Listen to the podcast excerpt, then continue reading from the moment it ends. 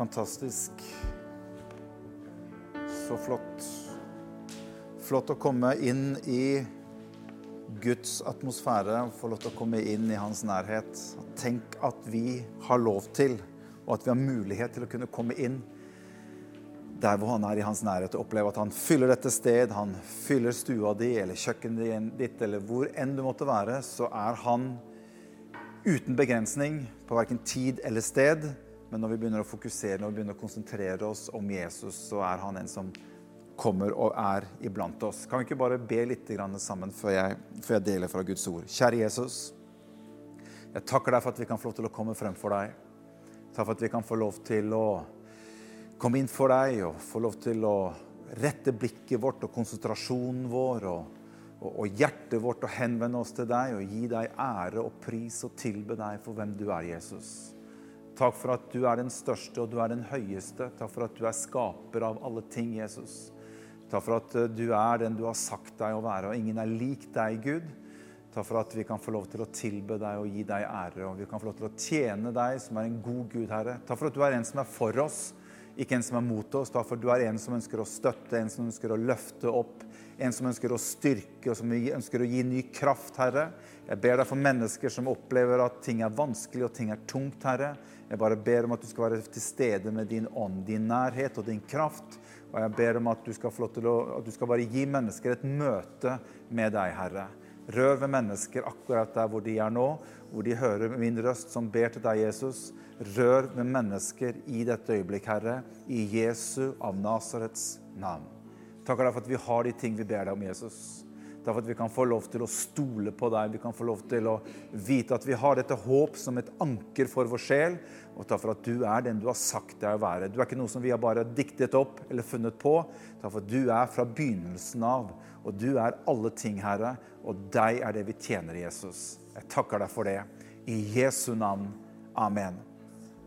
Amen. Bra. Har dere det bra? Har dere det bra, det som er her? Tusen takk for, uh, for lovsang og for uh, sanger og musikere. Det er så mye bra folk her som uh, er her hver eneste uke, slik at vi kan få lov til å nå hjem til dere med et budskap om lovprisning og tilbedelse, slik at vi kan få lov til å ha et treffpunkt. Og jeg tror et sånt treffpunkt er utrolig viktig for oss å, å ha i livene våre. Og jeg tror det er noe som, som Gud Eh, har, hva skal vi si, har forordnet. Jeg tror Gud ønsker Han sier faktisk det i, i, i de ti bud, at du skal holde hviledagen hellig, sier han. Så faktisk så er det så viktig at du skal holde hviledagen, at han faktisk la det inn som en av de ti bud. Og det er ganske utrolig at han legger det inn der, liksom. Og, og, når du ser i hele skapelsen, så ser du at han skaper mennesket på den sjette dag. Og så kommer hviledagen etterpå. så liksom, Han skaper mennesket, og det første han ønsker at mennesket skal gjøre, og det er å hvile. Og det er jo for så vidt en ganske greit utgangspunkt, det, altså, syns jeg. Men det bare viser at hviledagen i Guds øyne var noe mer enn at vi bare skulle hvile. Men hviledagen er noe som han ønsker at du og jeg skal rette vårt fokus og vårt blikk og vår oppmerksomhet mot Han. Og det er det som ligger i det med at du skal holde den hellig. Det står ikke bare at du skal hvile en dag i uka, men det står at du skal holde den hellig. Det er en dag fremfor andre hvor vi setter fokus på Gud og på Jesus og det som har med hans rike å gjøre. Så det er bra. Ok. Eh, vi skal fortsette ifra, ifra, forrige søndag, hvor vi startet denne eh, Kan vi tro på Bibelen? Og jeg har mye på, på, hjertet i dag, så vi skal komme i gang så fort som mulig. Eh, men eh, vi, vi, har sagt, og jeg det forrige søndag, at eh, hvis du har spørsmål rundt det som har med, med Bibelen å gjøre, eller ting som du tenker at dette her skulle jeg gjerne tenkt meg å hørt litt mer hva, hva menes med dette, eller hva, hva, hva hva, hva, står det egentlig her? Eller det er ting i Bibelen som du syns er litt vanskelig eller utfordrende. Så tar vi gjerne den utfordringen med at du kan sende en e-post til oss. og Da sender du til bibelen at pinsekirken.org. Og da skal vi være med, og kanskje senere litt senere utover på våren så skal vi eh, komme tilbake med en del sånne spørsmål som kommer inn med, fra folk som lurer på forskjellige ting. Og det, det ville være rart hvis ikke du lurer på noe. Jeg lurer på masse. Så eh, det er bare å sende inn spørsmål til, eh, til, eh, til kirken på den e-posten. Eh, vi snakket i forrige søndag om dette med at vi har forskjellige forhold til Bibelen. Noen har vokst opp med Bibelen. Noen har gått på søndagsskole. Noen har fått tak i denne Bibelen når de har blitt voksen.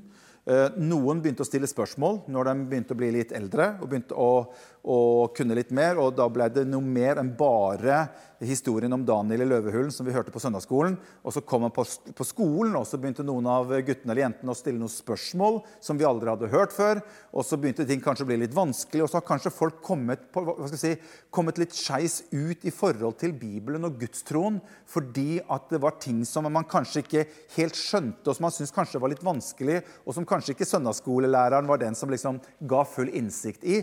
Og det tenker jeg, det er helt naturlig. Det opplever vi alle sammen. Men jeg tror likevel fullt ut at dette her er Guds ord. Og jeg tror det fins gode svar på mye av det som står her. Vi kommer aldri til å forstå alt sammen. Vi kommer aldri til å skjønne alt. Men jeg er ikke Gud heller.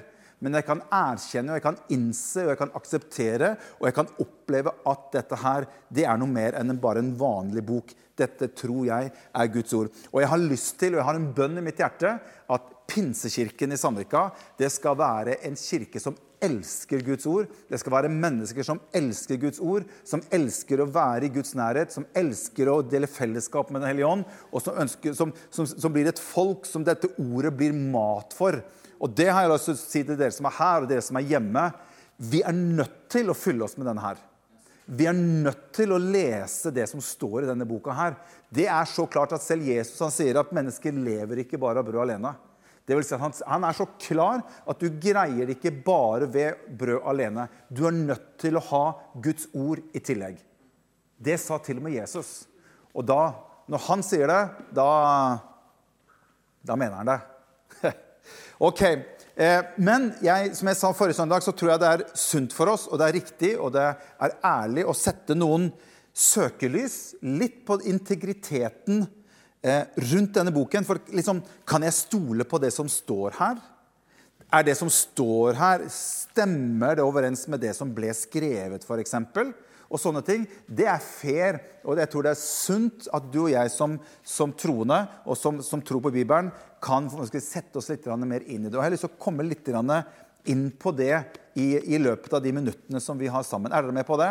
Og dere som sitter der, må hjelpe meg, for der er det litt mer sånn tyngre stoff som dere må, dere dere må dra det ut av meg. liksom sånn.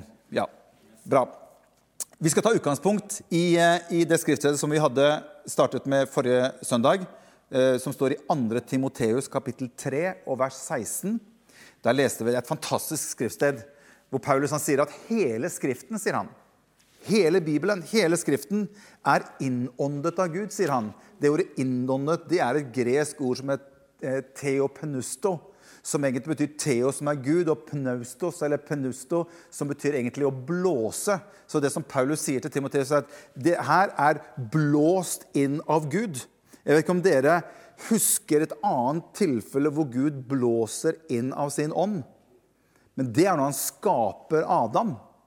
Så står det at han tok og så blåste han livets ånd inn i Adam, og Adam ble til en levende sjel, står det.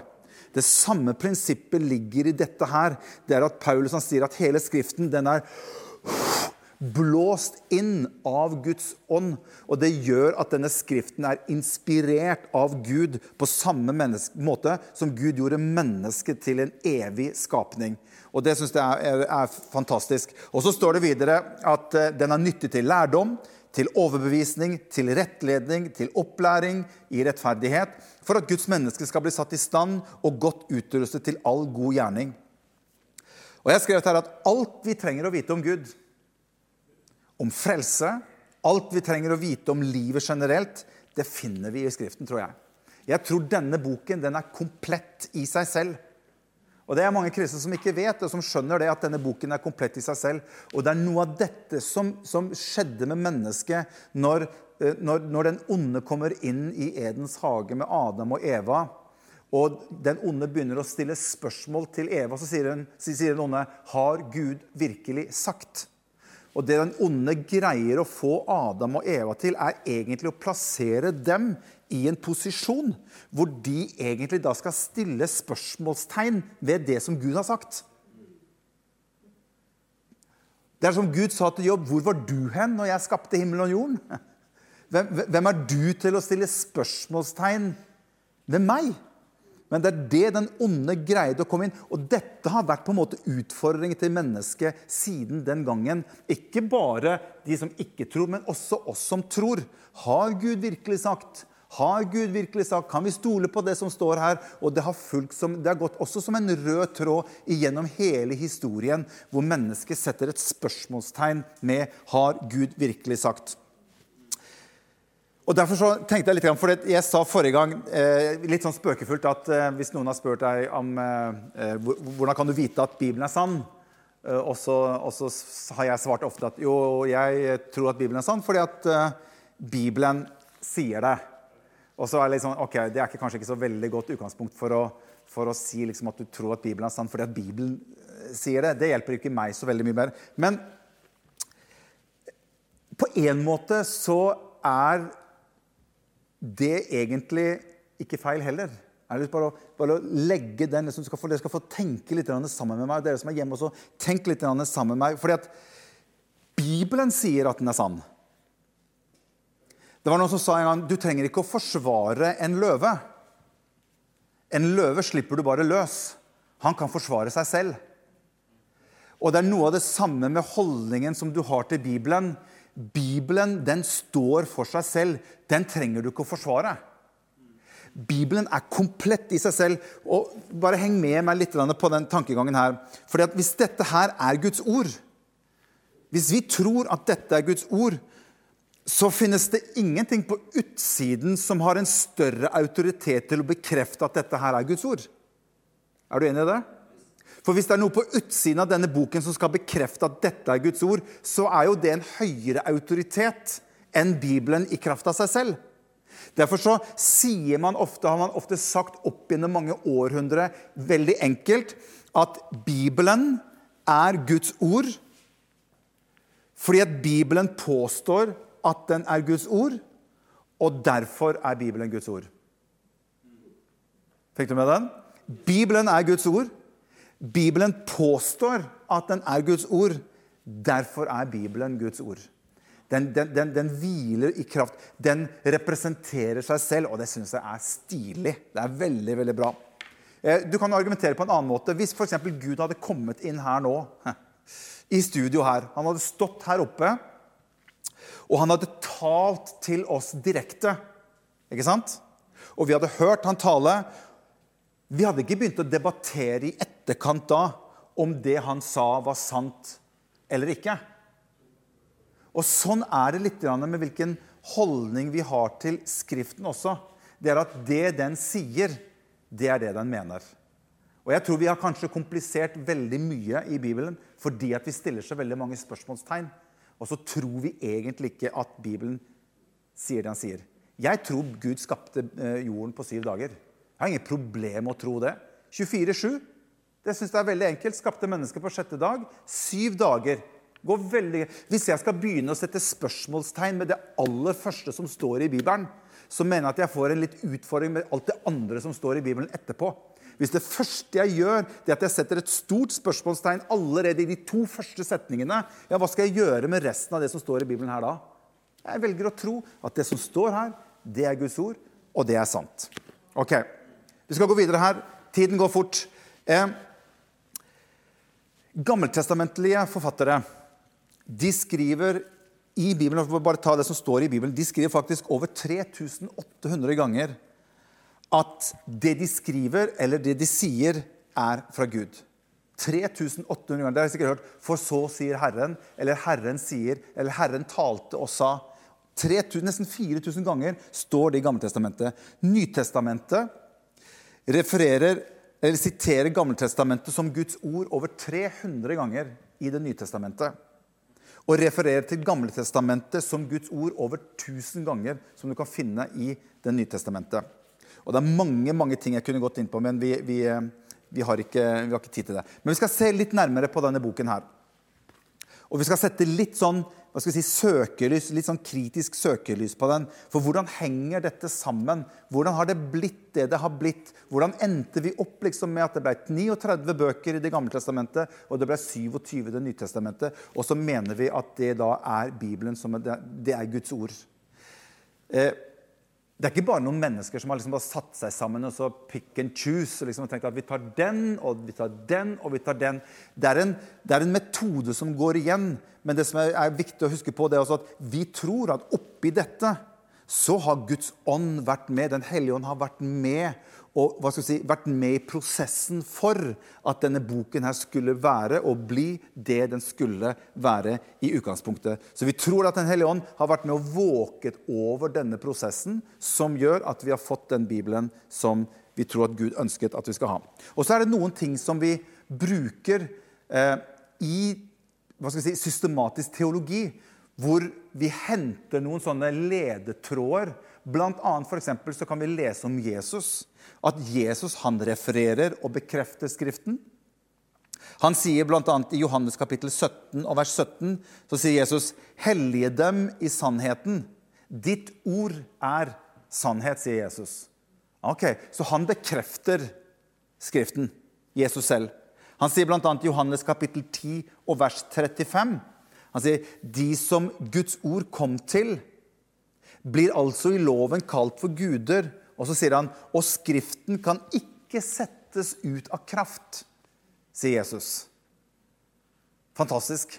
Og jeg tenker at Jesus blir en fantastisk link imellom Det gamle testamentet og Det nye testamentet.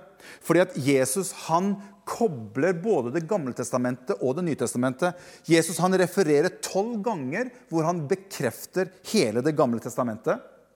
22 ganger refererer han og dermed bekrefter forskjellige bøker i Gamletestamentet. Så han kunne plukke ut enkeltnavn og han kunne plukke ut bøker og si Har dere ikke lest profeten Jesajas? Har dere ikke lest hva salmisten sier? Og, så videre, og, så og da vet man ok, hvis Jesus bekrefter det, bling, da er den huket av som en bok som er, hva skal vi si, som er bekreftet av Jesus selv til å være en del av Bibelen.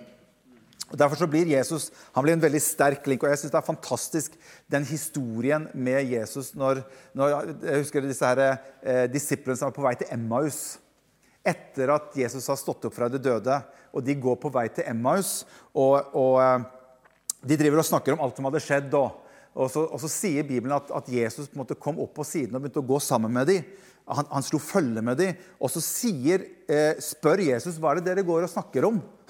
Og så henvender de seg til Jesus og sier Hæ? du må jo være den eneste i hele området som ikke har fått med deg hva som har skjedd. Har du ikke fått med deg noen ting? Nei, hva da? sier Jesus. Altså, Han spiller egentlig uvitende i den situasjonen. Har du ikke fått med deg at, at, at Jesus, som vi trodde var Messias han, han, vi, vi, vi, satset jo på han, og vi trodde jo på han. Og, og, og fariseerne de tok han og, og, dømte han til døden. Og han ble jo korsfestet og ble lagt i en grav. og, nå har jo alt rakna. Dette går jo de sier mens Jesus går sammen med de på vei til Emmaus. Og det som vi trodde, som vi hadde satt vårt håp til, alt har raknet. Så er det jo sånn at det er litt spesielt i dag, da, sier liksom disse Emmaus-vandrerne. fordi at det, eh, Noen av disiplene de hadde gått faktisk til graven, og noen av eh, Maria Magdalena hadde vært i graven i dag tidlig, og så hadde de ikke funnet kroppen. Og vi er litt forvirra, for det er litt sånn, vi skjønner ikke helt hva som foregår.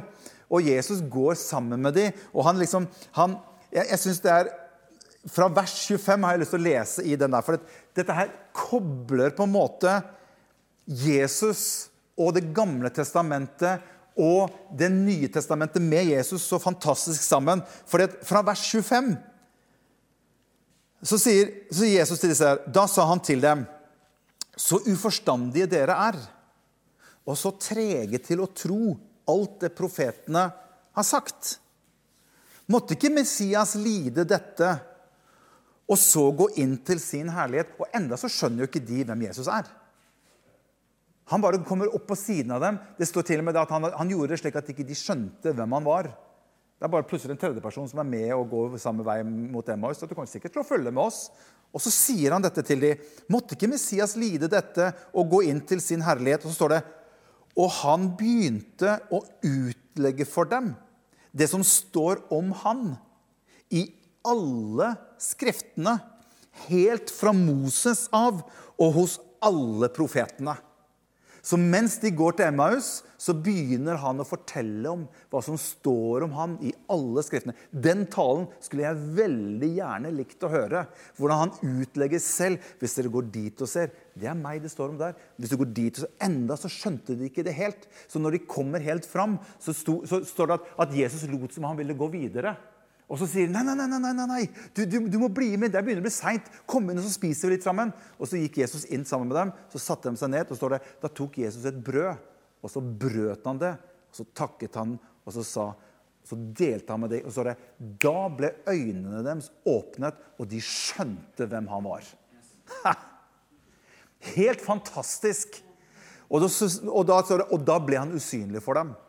Og da satt de tilbake, og det står jo egentlig da at i min oversettelse står det 'brant ikke våre hjerter i oss da han talte til oss på veien' og åpnet Skriftene for oss. Jeg vet ikke om, hadde, om, det er sånn jeg hadde sagt det. Jeg hadde bare sagt 'wow, det er det råeste jeg har vært med på'. Når han, når han var sammen med oss og gikk sammen med oss der med oss og bare la ut Skriften for oss. Og vi så jo det så klart. Det er det, det er det helt mest fantastiske jeg har sett. Den beste undervisningstimen jeg har sett noen gang. Og her blir Jesus en link hvor han bekrefter hele Det gamle testamentet. Og så sier han at jeg har enda mye jeg vil si til dere, men når Den hellige ånd kommer, så skal han være med å rettlede dere og vise dere ting som skal komme. Fantastisk.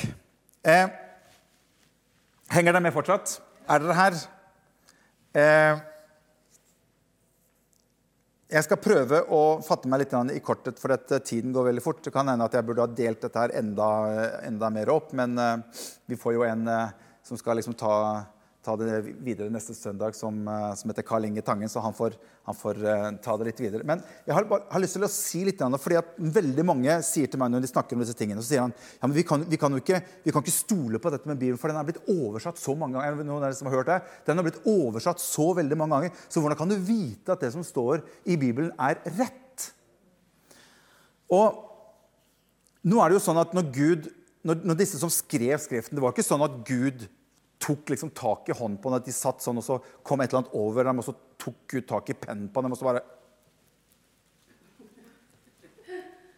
I en sånn, et eller annet sånn, sånn transeaktig greie, og så skrev de liksom sånn Og de visste ikke hva de hadde skrevet før etter det var ferdig, og så liksom leste de Oi, dette var jo fantastisk! Det er, det er jo ikke sånn det foregikk. Men det står at de ble inspirert av Guds ånd og de skrev ned. Og Guds ånd våket måte over det, slik at det de skriver, det ble det som Gud ønsket at det skulle bli. Og Derfor så tror vi at ikke bare Bibelen på en måte som bok er Guds ord, men vi tror også at alle ordene som står i Bibelen, er også Guds ord. Altså ord for ord. Kanskje ikke på norsk, men det det var skrevet i utgangspunktet på sitt originalspråk. Og da må vi jo egentlig bake helt til originaldokumentene, da. Men vi har jo ikke noen originaldokumenter. Finnes ikke et eneste originaldokument av en eneste bok verken i Gamletestamentet eller Det nye testamentet. Hæ? Altså, vi, vi har ikke vi, For å si sånn hvis du går, La oss si la oss du skal lese om Shakespeare eller Aristoteles eller eh, Sokrates eller noen av disse andre. Shakespeare er jo en litt nyere tid, men hvis du går tilbake til antikkens tid, du vil ikke finne noen originaldokumenter om de. Bibelen er faktisk den boken i verden som har flest dokumenter og manuskripter fra antikkens tid. Mange, mange, mange flere enn noe annet som skjedde av historisk hendelse tilbake til antikken. Aristoteles, Sokrates og, og alle disse her. Det tok mange hundre år før man i det hele tatt begynte å skrive historien til disse. Men det tenker jo ikke du og jeg på når vi sitter på skolebenken og leser om Sokrates. Da tenker vi at det her stemmer jo. Men med en gang det kommer inn på noe som har med Guds ord å gjøre hmm, hva er dette for noe? Så Vit at det finnes ikke noen original det er ikke noen, vi, vi, greier ikke å finne et originaldokument. Selv med Shakespeare så har vi ikke noe dokument som står med hans egen underskrift at dette er det arket som, som, Shakespeare skrev på. Nei, det er kopier. Man tok og kopierte det som Shakespeare skrev. I mange kopier, helt nøyaktig av det han skrev. Og det samme er det som har skjedd også med Bibelen. Den er nøyaktig nøyaktig kopiert fra dokument til dokument, fra dokument til dokument. Og nå går tiden så fort at jeg vet ikke egentlig hva jeg skal, skal gjøre. Jeg skal hoppe litt her. Men bare for, for, å fullføre dette her. I dag så vil de fleste forskere og historikere vil bekrefte at Bibelen er den mest dokumenterte historisk nøyaktige litteratur som vi generelt har fra antikkens tid. Det er ingen som, ingen som diskuterer det engang i dag. Eh, I dag så finnes det nesten 6000 greske manuskripter av Nytestamentet. Disse utgjør over 2,5 millioner sider med bibelske tekster. Noen er små fragmenter, men snittstørrelsen på disse er ca. 450 sider. Hva er det som skjedde? Ta f.eks. Lukas når han skrev. Han reiste sammen med Paulus og, og, og, og skrev litt. Han var veldig nøye. Han var historiker, han var lege og var veldig nøye. Hvordan gjorde han det? Jo, når han var rundt omkring. Det, eh, man tror at, at Lukas skrev Lukas evangeliet når Paulus sitter i, i, i fengsel i Cesarea Filippi. Og da, da mener man at, at, Lukas hadde god tid til å reise rundt og besøke de som hadde opplevd ting med Jesus. Mye sannsynlig så besøkte Lukas f.eks. Maria, Jesu mor. Setter seg ned med Maria, og så spør Lukas hva var det egentlig som skjedde, Maria.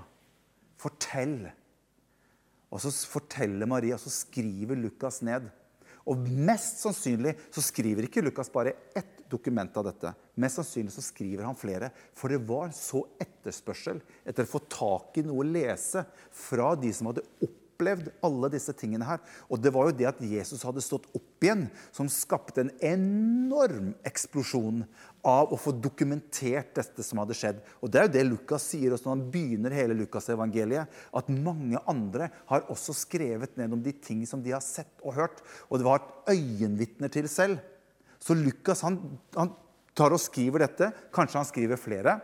Og så har det de som drev og tok kopi av tekstene. De skriver ned De hadde det som fag. Å skrive av nøyaktig det som er skrevet i originaldokumentet. Så de hadde som eget fag og satt og skrev nøyaktig ned hvert eneste ord og hver eneste bokstav i et nytt dokument. Og så ble det skrevet i et nytt dokument. Dette var et fag, og som har vært et fag egentlig helt opp til 1400-1500-tallet i det å skrive av ting. Derfor er det så nøyaktig. Og derfor har jeg bare lyst til å si helt til slutt og avslutte med det. Du kan få bare komme og spille litt, så skal vi synge litt til slutt. Fordi at Tenk deg verdien av å få tak i et sånt dokument for de som levde på den tiden der. Å få tak i et dokument av Johannes-evangeliet, som var en disippel av Jesus. Tenk på Life-gruppa. som, som liksom, kunne, vi fått, kunne, vi fått, lånt det dokumentet som, som, som er Johannes-evangeliet? Og, og, og, for Jeg har lyst til å lese i, i Life-gruppa vår til, til onsdag og, og, bare lese det Johannes har skrevet. Disse dokumentene var så enormt etterspurt. Derfor så eksploderte det i måte å kopiere opp disse på. Men hvor, hvor nøyaktig er de? De er veldig nøyaktig. Helt til slutt. I 1948, oppe i noen fjeller ved Dødehavet Det var kanskje noen av dere som kjenner til denne gjeteren som var oppe og gjette sauene sine, men hadde geiter. Og en av disse geitene kommer bort. Og Ved et tilfelle så tar denne gjeteren og så kaster han en stein inn i en av disse små grottene som er der. Så hører han noe som knuser. Og inni den grottene der så finner han krukker med manuskripter oppi. Og disse manuskriptene jeg skal ikke gå med inn i detalj, men disse manuskriptene viser seg å være over 2000 år gammel. Og blant annet En av de rullene som man finner i en av krukkene, er hele Jesajas-boken. Og Når de skjønner at dette er Jesaja-boken, Opptil 1948 så var det eldste hva skal vi si, hebraiske dokumentet vi hadde av Jesajas, var år 1000 etter Kristus. Så kommer 1948 og dødehavsrullene, som det kalles for. Når de fikk sjekket disse, så flyttet man det over 1000 og lenger tilbake i tid i originalitet. Det vil si at før år 100 før Kristus så kan man datere Jesajas bokrullen, som ble funnet blant dødehavsrullene. Og da var de utrolig spent på hvordan vil Jesajas boken tusen år lenger tilbake stemme overens med den Jesajas-boken vi har i dag. Og når de legger disse her opp ved siden av hverandre, så er de omtrent nøyaktig lik. Omtrent 100% identiske. Hvordan er det mulig? Det viser bare at dyktigheten av å skrive og dokumentere disse tingene er så nøyaktig at jeg kan med stor frimodighet, og du kan med stor frimodighet vite at det vi leser her, ord for ord, det er det som ble skrevet. Fantastisk. Og jeg syns det er så fantastisk med at i 48 så skjedde det noe annet, at Israel fikk landet sitt tilbake igjen. Og Israel fikk land, og Det er akkurat som Gud bare skjenker denne fantastiske arkeologiske skatten og bare si, gir den tilbake igjen til Israel. Og Der hvor Jesajas på en måte, boken står midt i sentrum, og midt i Jesajas-boken så finner vi det at han ble såret for våre fortredelser. Han ble knust for våre misgjerninger. Straffen ble lagt på ham. Israel får landet sitt tilbake, og de får Jesajas en, en kjempehilsen fra Guds side. Fantastisk. La oss komme opp og så synger vi litt sammen. Vi skal synge den sammen. Den sangen som vi sang forrige søndag også, om uh, dette ordet. Og jeg bare sier til dere som er hjemme, at vær med og, og, og syng på, uh, sammen med oss på, med, med, denne sangen 'Your Word'. Og så skal vi ta litt tid, og vi, vi får lov til å la noe av dette synke. Det har vært litt, litt sånn Litt mer hva skal jeg si, akademisk, men jeg tror dere har tid til det, og så skal vi muligens gå enda dypere inn i dette her litt senere. Men vi synger sammen, og så kommer vi tilbake igjen etterpå.